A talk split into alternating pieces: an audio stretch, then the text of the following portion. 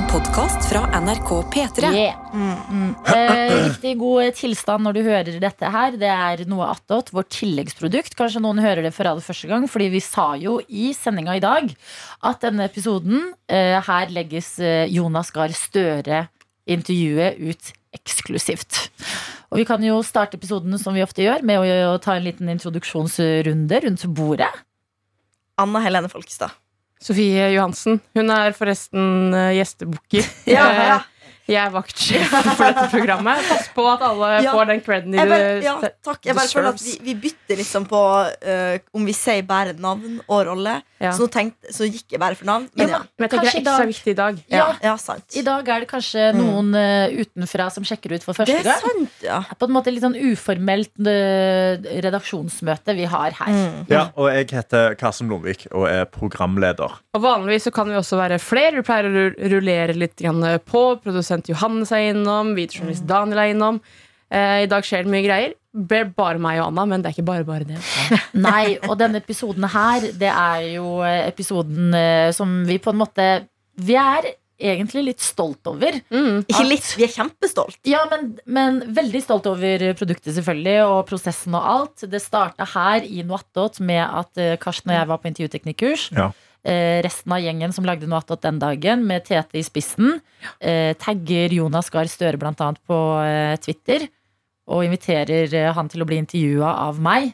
Mm. Altså Han tagger han fra min Twitter, som jeg ikke har logget ut av. eh, og Jonas Gahr Støre svarer overraskende ja. Eh, så derfor har vi valgt, fordi det kunne vært så lett å ha statsministeren på besøk og hatt det i P3 Morgen.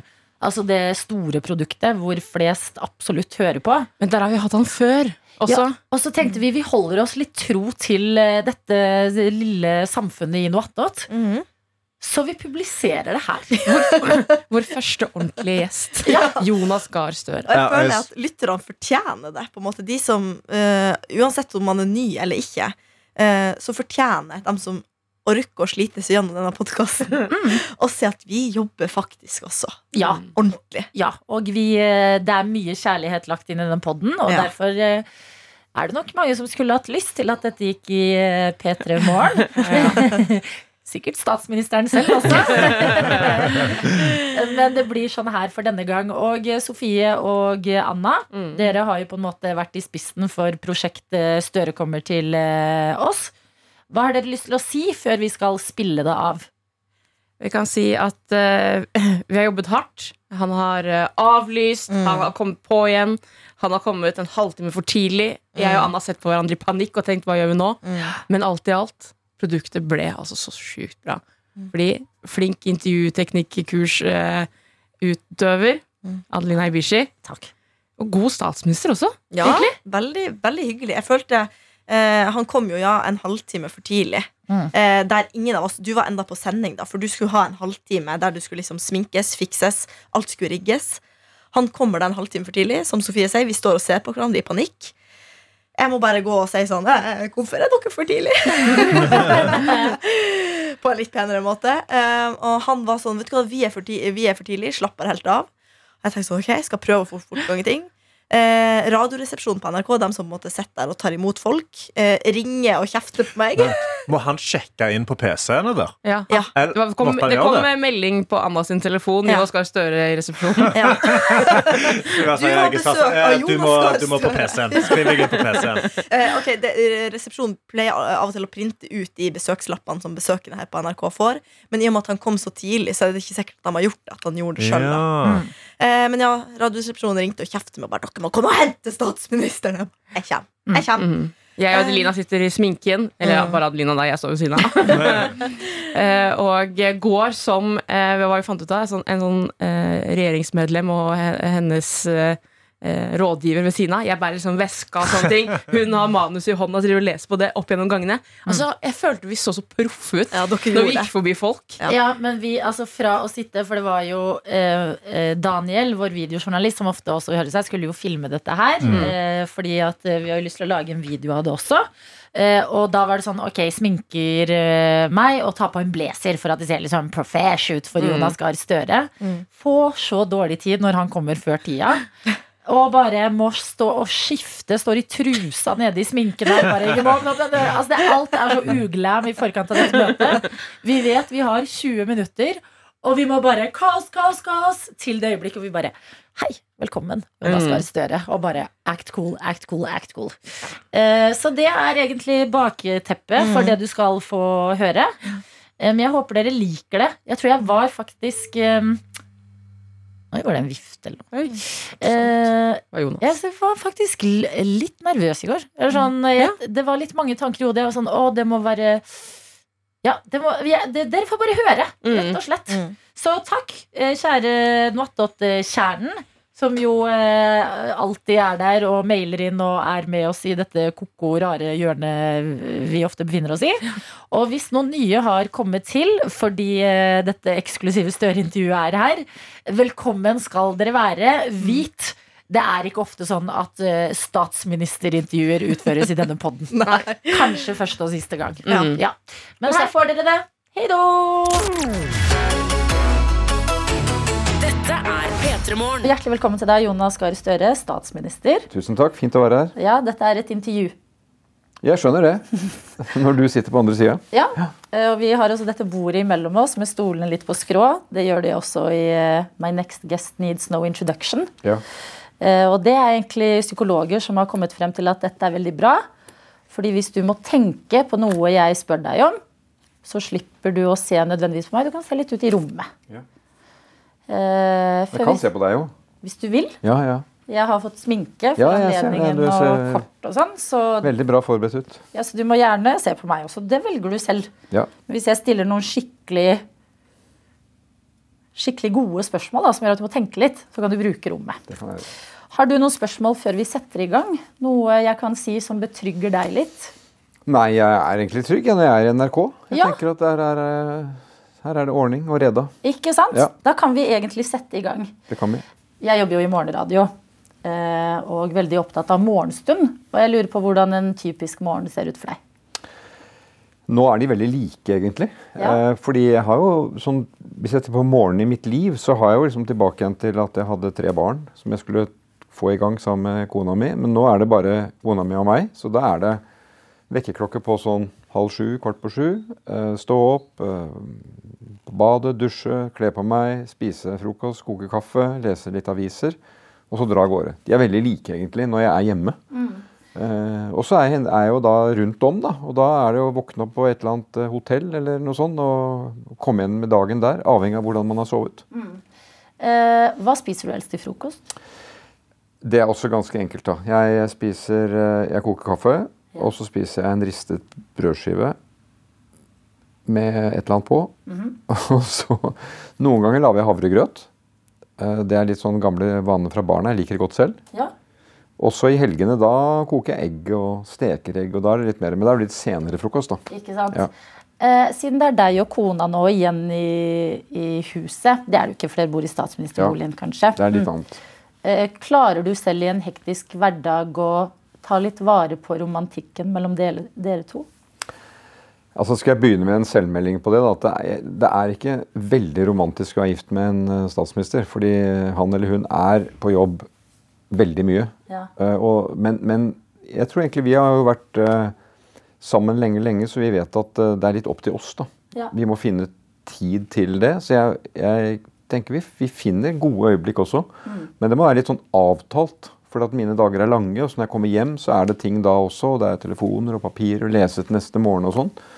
Så prøve å sette av tid i helgene, og så få litt sånn tid på kveldstid. Se serie, eh, prate, eh, sitte i sofaen bare og lese sammen. Det er jo noen som sier at de har som regel å gi eh, partneren sin et kyss hver dag før de drar hjemmefra. Der er jeg på linje. Ja, du gjør det? Ja, hvis, eh, Det gjør meg glad. hvis begge er våkne, så gjør jeg det alltid. Ja, ja. Ehm, det høres ut som du har veldig mye å gjøre. eh, og det føler jeg sier seg selv i en statsminister... eh, du, du, du burde vært urolig hvis jeg så at det er ikke så mye å gjøre. Ja, ikke sant? Jeg liker å tenke på at Ja. du har mye å gjøre. Ja. At du ikke har så mye tid til å være på NRK i dag. At vi har en klokke på oss. Ja, ja, ja. Det betrygger meg, for da er du Nei, på men jobb. så bra. Det er bra. Men eh, det jeg lurer på er, hvordan tar du vare på deg selv? Altså, når er f.eks. sist gang du kjøpte en ting som var til deg, som gjorde deg glad? Altså det er må jeg bare si veldig lenge siden.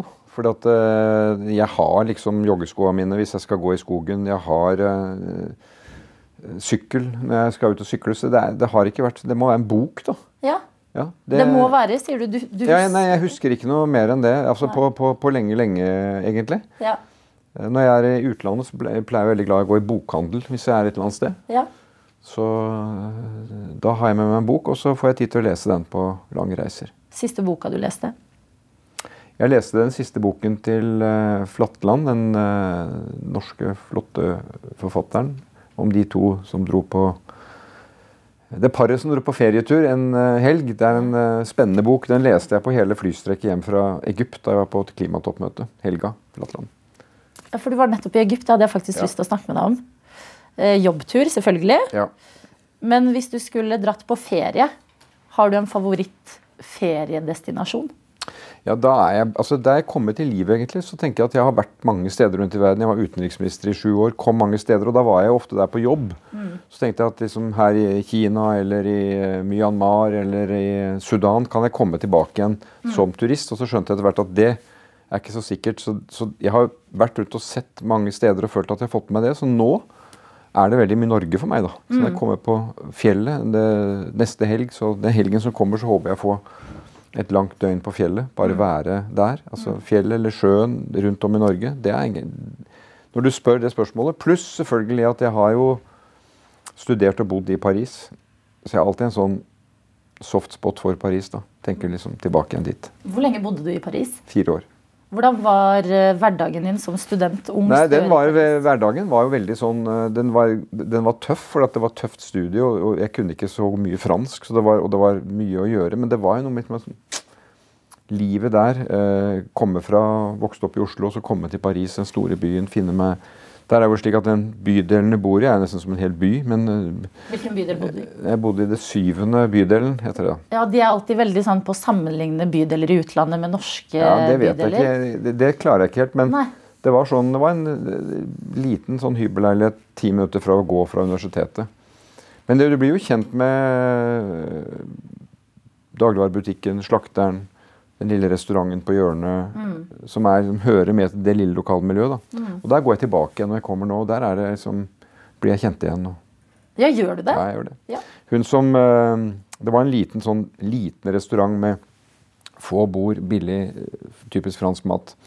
Og hun som drev den, da, hun har solgt restauranten, men den er helt lik. Og hun bor der fortsatt, er nesten 90 år. Hun besøker jeg når jeg er i Paris. Hallo, det er så koselig. Ja, det vi ble, Hun ble litt sånn reservemamma for meg da, da jeg, bodde, da jeg var student. Men øh, føler du at du reiser tilbake ofte nok? Nei, det savner jeg litt. Og det er liksom litt, der er det litt hjemme for meg. Men det, sånn som livet mitt er nå, så tenker jeg det er godt å ha på noen sånne Det er litt sånn drøm og savn, Ja. egentlig. Og så kanskje kommer dagen hvor jeg kan gjøre det oftere. Ja, for de sier at øh, du våkner i morgen og øh, ikke er statsminister. Ikke pga. Noe, noe krise har Nei, skjedd, men nei. bare du får en dag, en lomme, Ja. hvor du ikke er statsminister. Eh, ingen vet hvem du er, eh, fordi du er jo en slags kjendis også. Hvordan ser en drømmedag hvor du ikke har noe på kalenderen, du kan gå hvor du vil, og, på, og da mener jeg på ekte, ikke sånn ha hytta og bare sånn de tingene man Ja. tenker. Men hva skulle du gjort på en sånn dag? Nei, altså for det første tenker jeg at det å være politiker i Norge, og selv om du blir kjent igjen, så er det egentlig veldig fint å leve helt vanlig liv. Altså når jeg har eh, i helgen eh, Forleden så gikk eh, en lørdag kona og jeg gikk tur opp langs Akerselva. Det var fint vær. Det er, ikke noe, det er ingen begrensninger på det, egentlig. Så alle sånne ting som er hyggelig å gjøre i den byen jeg bor i nå, eller stedet jeg har vært, tenker jeg det kan jeg gjøre hvis jeg får en hel sånn dag, som du sier. Så jeg, jeg tenker ikke at jeg nå er liksom sperret inne. Altså Jeg er jo sperret inne for at det er sikkerhet, og jeg er statsminister og jeg har hektisk program. Men uh, det er ingenting jeg tenker sånn at dette kan jeg ikke gjøre før jeg liksom er helt ferdig. Men da tenker jeg heller det med det hektiske programmet. Du har en dag hvor det ikke er noe som helst på planen. Ja. Du, du, du, er ikke, du, du skal ikke engang tenke å, i morgen må jeg på dette møtet. Du er helt Nei, da tror, jeg, altså, det, det, tror meg, da tror jeg tenker liksom det rolig morgen. Ja. Eh, ikke noe sånn se på klokka nå må jeg løpe av gårde. Og så tror jeg jeg ville by meg fram til eh, å hente barnebarna mine på skolen. ja. Altså kunne komme opp der, eh, være litt, henge litt med dem der, og så ta dem hjem. Det gjør jeg jo noen ganger nå også, men det er jo mer sånn, da er det veldig sånn. Har det gitt deg i et liv hvor du nevner altså eh, ja, Sans på i, i Paris, mm. utenriksminister i flere år, Mm. statsminister nå. Eh, Hva for noen refleksjoner har det gitt deg å bli bestefar? Det er veldig, veldig stort, egentlig. Eh, for at det er på mange nivåer. altså Alle besteforeldre snakker om det at det er livets dessert og alle sånne litt mer klisjeer. da. Men eh, jeg har tre gutter eh, selv. Vi har det. Og så har vi fått to gutter barnebarn. Så når jeg liksom er sammen med dem, så er det veldig kort siden jeg hadde småbarn selv. Selv om de nå er voksne. For du, du, du blir liksom gjen, gjenskapes rundt meg. Så det å skifte på og legge og lese og, og vite liksom hva er det som sjuåringen liker, hva er det treåringen liker, det er, det er noen sånne fine gjenkjennelser i livet. Og så er det noe med den derre Jeg hadde nå forleden hvor jeg passa på en, han på sju. da, Og til langt utpå kvelden. Og når- du får litt tid, og det roer seg, de der samtalene der, de er veldig fine. Så jeg har sånn Nei, de er litt sånn utgrunnelige, og du ta, drar av gårde på hans tanker. og En, en sjuåring kan jo være veldig opptatt av verdensrommet og geografi og kart. og liksom være ferdig med dinosaurer og sånn, men gå går videre i sånne litt etapper. Og jeg syns det er deilig å bare å bli med på den turen. For at det jeg driver med ellers, er å snakke med, snakke med deg, eh, sakspapirer, leder regjeringskonferanser, eh, tar imot spørsmål, får kjeft, kritikk og alt sånt. Men der er du bare en du flyter liksom av gårde på en sånn eh, egen eh, fantasi, da. Får Dette er et ja-nei-spørsmål. Jeg vet det. Får statsministeren kjeft? Ja, og det bør han.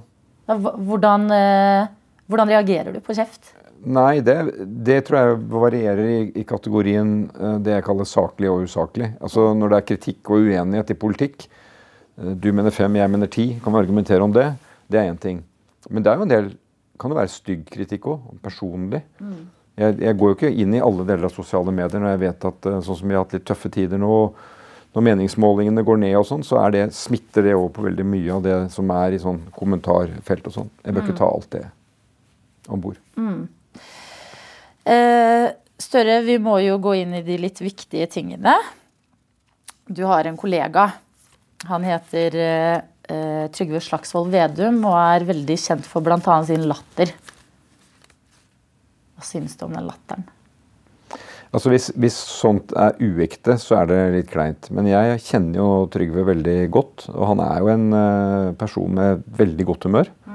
Og jeg kan fortelle at det har vært fint å ha godt humør i disse krevende tidene vi har hatt dette året. Vi har fått eh, strømkrise, inflasjon, høyere renter, krig i Europa. Ingen av de tingene hadde vi planlagt for. Eh, Men nå er de der, og vi skal håndtere det. Og da er det stort alvor. Det er alvor i folks liv klimaendringer og alt vi skal ta i. Og da må du Det er veldig fint å ha det gode humøret. Og det at han byr på seg selv og ler, syns jeg er en veldig flott menneskelig egenskap. jeg. Jeg ler mye. Altså vi, hvis ikke du har humor egentlig i det daglige, vet ikke hvordan det er på jobben din, så blir det liksom Jeg er veldig glad i å ha det. Vi må kunne se det komiske i situasjonen. Vi er jo komiske, vi også, noen ganger. Hvordan ser dere det komiske i en situasjon som virker så alvorsprega? Altså, du listet nettopp opp eh, krig i Europa, renta, eh, strømmen Nei, men eh, så må vi prøve å gjøre de riktige tingene på det. og Det kan være enige eller uenige om, men, men jeg tenker at vi må være veldig seriøse og forankra i verdiene våre. Hva mener vi når vi sier like muligheter, rettferdig fordeling, få forskjellene ned? Skal politikken funke for det? Men så er det masse situasjoner. Som, vi er jo bare mennesker. Folk kommer for seint, de har på seg feil klær, de sier rare ting. de bommer på et eller annet ord. Hvis ikke du kan liksom være uformell og le av det, så, så blir, da blir det ja, det er, det er en inspirasjon i det. Og han har godt humør, og det er jeg glad for. Jeg blir jo glad av å høre det. Ja, og jeg har det jeg også. Jeg, så jeg har pleid å si at moren min sa at jeg hadde et lyst sinn, og det tenker jeg på noen ganger når ikke sakene er så lyse, så, så kommer du lettere videre hvis du sier at ok, hva er muligheten her, hva er oppsiden her, hva kan, man, kan jeg få til ting? Jeg tenker litt på eh, arbeidsplassen din, eller Stortinget, da. Eh, der får vi, vi får jo ikke vite så mye, vi på utsida, men vi får med oss de litt sånn banale eh, tingene noen ganger. Som f.eks. disse potetene som ble klaga på i stortingsrestauranten. Husker du det? Nei, nå har jo ikke Stortinget vært min daglige arbeidsplass på over et år. Nei, men du har jo ikke Ja, sant? ja, men altså, jeg sitter jo liksom bort på Akershus på statsministerens kontor, og da spiser jeg en, brødskive til lunsj, liksom. Så det, jeg, jeg er ikke stor. Men når jeg er i Stortinget, så går jeg i restauranten, og stort sett er det veldig bra, syns jeg. Ja, fordi det ble jo, de som går der, da. Ja. Det ble lagt inn en eh, Klage. klage på Ja. at poteten hadde skall på. Ja. Eh, har du noen mistanke om hvem det kan ha vært? Nei, det kan være ikke meg iallfall, for jeg Nei. skreller aldri potetene. Jeg spiser skallet. Å, gjør du det? Ja. Ja, men ingen du tenker sånn, det er typisk den personen. Nei, du må hjelpe meg. Nei, jeg aner ikke. Nei, jeg jeg liker ikke. også poteter med skall. Ja, det bakt potet. Det, det skal jo ha skall. Så. Ja. Hva syns du om søtpotet? Altså det Jeg syns er sånn passe med kona mi. er veldig glad i det. Så det er veldig mye søtpotet uh, oppi ting hos oss. Ja. Eh, Dette her er jo et intervju, eh, og jeg lurer på hvilket spørsmål savner du å bli stilt? Hvis du skulle valgt et. Jeg, altså jeg føler jeg får 360 grader jeg, av spørsmål. Nå er jeg deg, og så skal jeg møte noen politiske journalister senere. Så møter jeg utenlandske journalister, så jeg tror jeg møter alt. Okay. Og så er det jo det spørsmålet hvordan føler du det egentlig? ikke sant? Ja. Hva følte du du gikk over Jeg start-målstreken? føler ikke vi kommer inn i den kjernen at du er så rutta på det. Når man spør deg hvordan føler du egentlig. Nei, men altså det, det Man må beskytte seg litt på det, da. For Ja. at det er jo altså Når ting er tunge og vanskelig, så er det jo ting som er tunge og vanskelig for meg òg. Og da må jeg, øh, når jeg er statsminister, forsøke å svare så godt jeg kan. Beskytte meg selv litt òg. Men øh, jeg går ikke og tenker på det spørsmålet jeg ikke har fått, nei. Nei. Jeg gjør ikke det. Men det er godt å høre. Ja, jeg hvis, bare hvis du har et hemmelighet på lager, så kan du Jeg har et spørsmål på lager, Ja. og det lurer jeg oppriktig på. Det ruller og går et VM nå. NRK dekker det sammen med TV 2. Mm. Det avholdes i Qatar, og det er en eh, debatt som pågår. Og jeg lurer på eh, Ser du på fotball-VM i år? Jeg boikotter ikke å se på fotball-VM. Det gjør jeg ikke. Jeg, altså jeg, er, eh, jeg har jo akkurat mine meninger som mange andre tror jeg, om det VM. Hvordan de fikk VM, og hvordan liksom det har vært på, for de som har bygget stadioner og alt det. Det mener jeg er viktig å si fra om på menneskerettighetssiden. Men når spillet er i gang, så, så eh, har jeg sett på fliker av noen kamper på, på, på skjermen. Men det er et eller annet Jeg er veldig glad i fotball. da og veldig glad i å se på, men det er ikke noe stemning for det, egentlig. Altså, kanskje er det fordi at det er november-desember. Uh, Norge er ikke med, men uh, så når det kommer litt ut i mesterskapet og det blir liksom ordentlige kamper, så tror jeg det kan vi titte inn, ja. Du er ikke fremmed for å ta en kikk etter hvert? Nei, ikke det. Hvem holder du med hvis du skulle sagt noen da? Nei, jeg tenker jo at vi må jo heie på Danmark da, ut fra litt at det er Norden, men ellers er det jo Frankrike jeg heier med, da. Ikke sant. Eh, Jeg har jo en kollega her i NRK. Han heter Fredrik Solvang. Han er kjent for å grille politikere. Hva syns du om Fredrik Solvang? Jeg husker jo Fredrik da han var journalist, sånn dagsrevyjournalist, og da grilla han jo da også. Veldig sånn pågående. Men jeg syns han er en dyktig journalist. Altså veldig for, veldig forberedt uh, når han har sendinger. Og det å Uh, Så jeg uh, Altså det at det er vanskelig å møte han noen ganger, det er jo et honnørord til han, da. For jobben han gjør. Eh, så kan det ofte bli litt for fullt. Altså Jeg har hatt noen ganger sånn alenesamtale med Fredrik Solvang. Det er noe helt annet enn når vi er fryktelig mange i debattstudio. For da føler jeg det blir sånn veldig mye som skjer på en gang. Og så tenker jeg det å ha to sånne sendinger i uka er jo mye. Du er raus som setter deg inn i det. At du tenker han har to sendinger i uka, det er mye. At du rettferdiggjør på en måte litt. Ja. Ja. Jeg tenker jo, jeg synes jo det er en spennende måten jeg møter folk. Nå har du hatt morgensending i dag før du møter meg nå. altså Hvordan er dagen din, liksom? Du spør meg om med meg. Men, Perfekt. ja. Men på en skala fra én til ti, da. Fredrik Solvang. Nei, altså en sjuer, da, kanskje. Det er Ja. Meg, da? Ja, Det blir tier. Rett eh, blankt over bordet, vil jeg si. Jeg ser du mener det. Så jeg blir glad. Em, du har vært i en bursdag som jeg er nysgjerrig på. Ingrid Alexandra sin bursdag. 18-årsdagen. Husker du den? Ja, veldig godt. Hvem satt du ved siden av? Eh, Jeg satt ved siden av Girl in Red. Hæ? Hva snakka dere om? Ja, det, Vi snakket veldig mye om Girl in Red. Ja. Fordi det var jeg kjempenysgjerrig på. Og så satt jeg sammen med Ingrid Alexandra, og så satt vi sammen med kong Harald. Men det som var så veldig kult, at kongen har for meg flere ganger etterpå Jeg møter jo han jevnlig som statsminister. da, Kom tilbake igjen til den middagen, og henne. For hun gjorde et veldig inntrykk, egentlig. Hun eh, var jo invitert der. Jeg tror det var det Inge, ville Ingrid Alexandra selv. Og hun er jo et utrolig stort musikkfenomen for Norge. Men hun er jo en jente også som har et liv, og det fortalte hun veldig åpent om. Ja. Eh, på en måte som gjorde inntrykk på alle rundt det bordet. Gro Arne Brundtland satt der. Og, men, men eh, jeg tror kongen er jo en sånn type som får med seg hva som skjer i folks liv. Så han var veldig Det gjorde inntrykk på han å, å høre på henne, og hun snakket om eh, ja, hvordan det var å være artist, livet sitt eh, privat og andre. Jeg, jeg fikk eh, sansen for henne, ja. Jeg føler vi var heldige som havna ved siden av henne. ja. Og apropos artister, du fikk jo også dele ut P3-prisen, den gjeveste prisen på P3 Gull i fjor. Eh, og det var jo Stig Brenner som stakk Ja. med den prisen. Ble litt medieoppslag da han brukte anledningen til å tale litt eh, politisk. Eh, hvordan føltes det å være på P3 Gull, dele ut hedersprisen, hylle, feire norsk musikk? Virka litt personlig fra deg også på et tidspunkt hvor du fortalte litt om egen spilleliste. Og så blir det et sånn øyeblikk som det ble. Hva tenkte du da?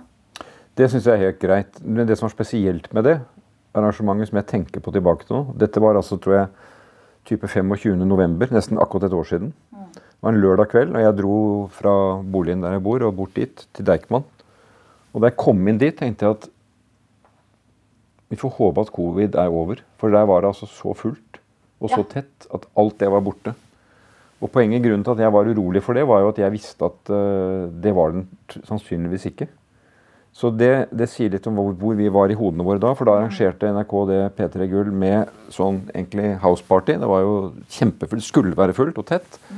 Og så gikk det jo bare en uke, og så måtte vi trykke til med alle restriksjonene. Så det er det Du husker det fra et statsminister? ja, jeg gjør det. Og det er litt sånn, litt sånn der, eh, korsvei, litt sånn traumatisk, egentlig. For at, da måtte vi gjøre, si til folk at nå er det avstand igjen. Og det var eh, skjenkestopp og alt mulig som var kjipt for mange. Men bare sånn fordi Men så møtet med Stig Brenner. Altså, Ja. eh, Han sa det han sa om, om rusreform, det mener jeg. altså Når folk får Oscar og sånn, og de får mikrofonen, så sier de jo et eller annet de mener er viktig også. Ja. Så har jeg møtt han flere ganger etterpå, og da har vi snakket videre om det. Og det syns jeg er greit. Statsminister Jonas Gahr Støre. Hvordan syns du dette intervjuet har vært? Jeg, syns det mer har vært en samtale, egentlig. Jo, men eh, du begynte med å fortelle meg at her kom det ikke ja- og nei-spørsmål. Så du har jo stilt Hva? Blitt litt av det. Det er vel litt av det, men uh, fint, syns jeg. Hvis du tenker på Lindmo, Jeg tror du kan bli den nye Lindmo, liksom. hva sa du helt uoppfordra nå? Ja. Nei, bare når du spør meg, så tenker jeg at jeg har vært hos henne også. Hun er flink. Ja. Men det, det er du òg. Ok, Kult. Da trenger vi ikke å vippse av penger, dere, for Nei, å si det. helt uoppfordret. Um, på tampen her av dette intervjuet så håper jeg at du kan være litt ærlig. Mener Og du det- at jeg ikke har vært dette nå? Jo, men Ja. dette er kanskje litt sånn Det er ikke populært å si okay. nødvendigvis. Men hva er det Altså sånn konkret kjedeligste, sånn mest snork med å være statsminister? Altså, altså bare noe, liksom. Jeg skjønner at alt er stas og Nei, det er, men det er jo ikke det. Herre min hatt, altså alt er ikke stas. Men så tenker jeg nå skal jeg være litt forsiktig, for hvis jeg sier at det å møte hun eller han eller sitte der, det, det er dritkjedelig, liksom. Ja. Det er jo ikke noe hyggelig. Det kan ikke jeg si. Nei. Men øh, jeg syns jo lange møter som bare drar ut, det er, øh, da, det er kjedelig. For at øh, jeg har mye å gjøre, og jeg er litt sånn La oss få det gjort, og da gjør det ordentlig. Noen møter må ta tid. Eh, og, og møte med folk ute når du er ute og besøker dem på arbeidsplasser. Nå var jeg på en reise i Sogn og Fjordane og besøkte mange folk på jobb osv. Da er det godt at tiden flyter litt. Men sånne møtemøter i Stortinget eller eh, i sånn politikken som drar ut, det er det har jeg terskel mot, og det føler jeg skal jeg fortsette å ha. For det er litt min jobb også å prøve å gjøre dem litt mm. kortere. Eh, tusen hjertelig takk, eh, statsminister Jonas Gahr Støre, for at du kom til dette intervjuet. Takk. Takk for at du så på dette intervjuet, du som ser dette her. Adelina Ibishi Show. Over og ut. Du har hørt en podkast fra NRK P3.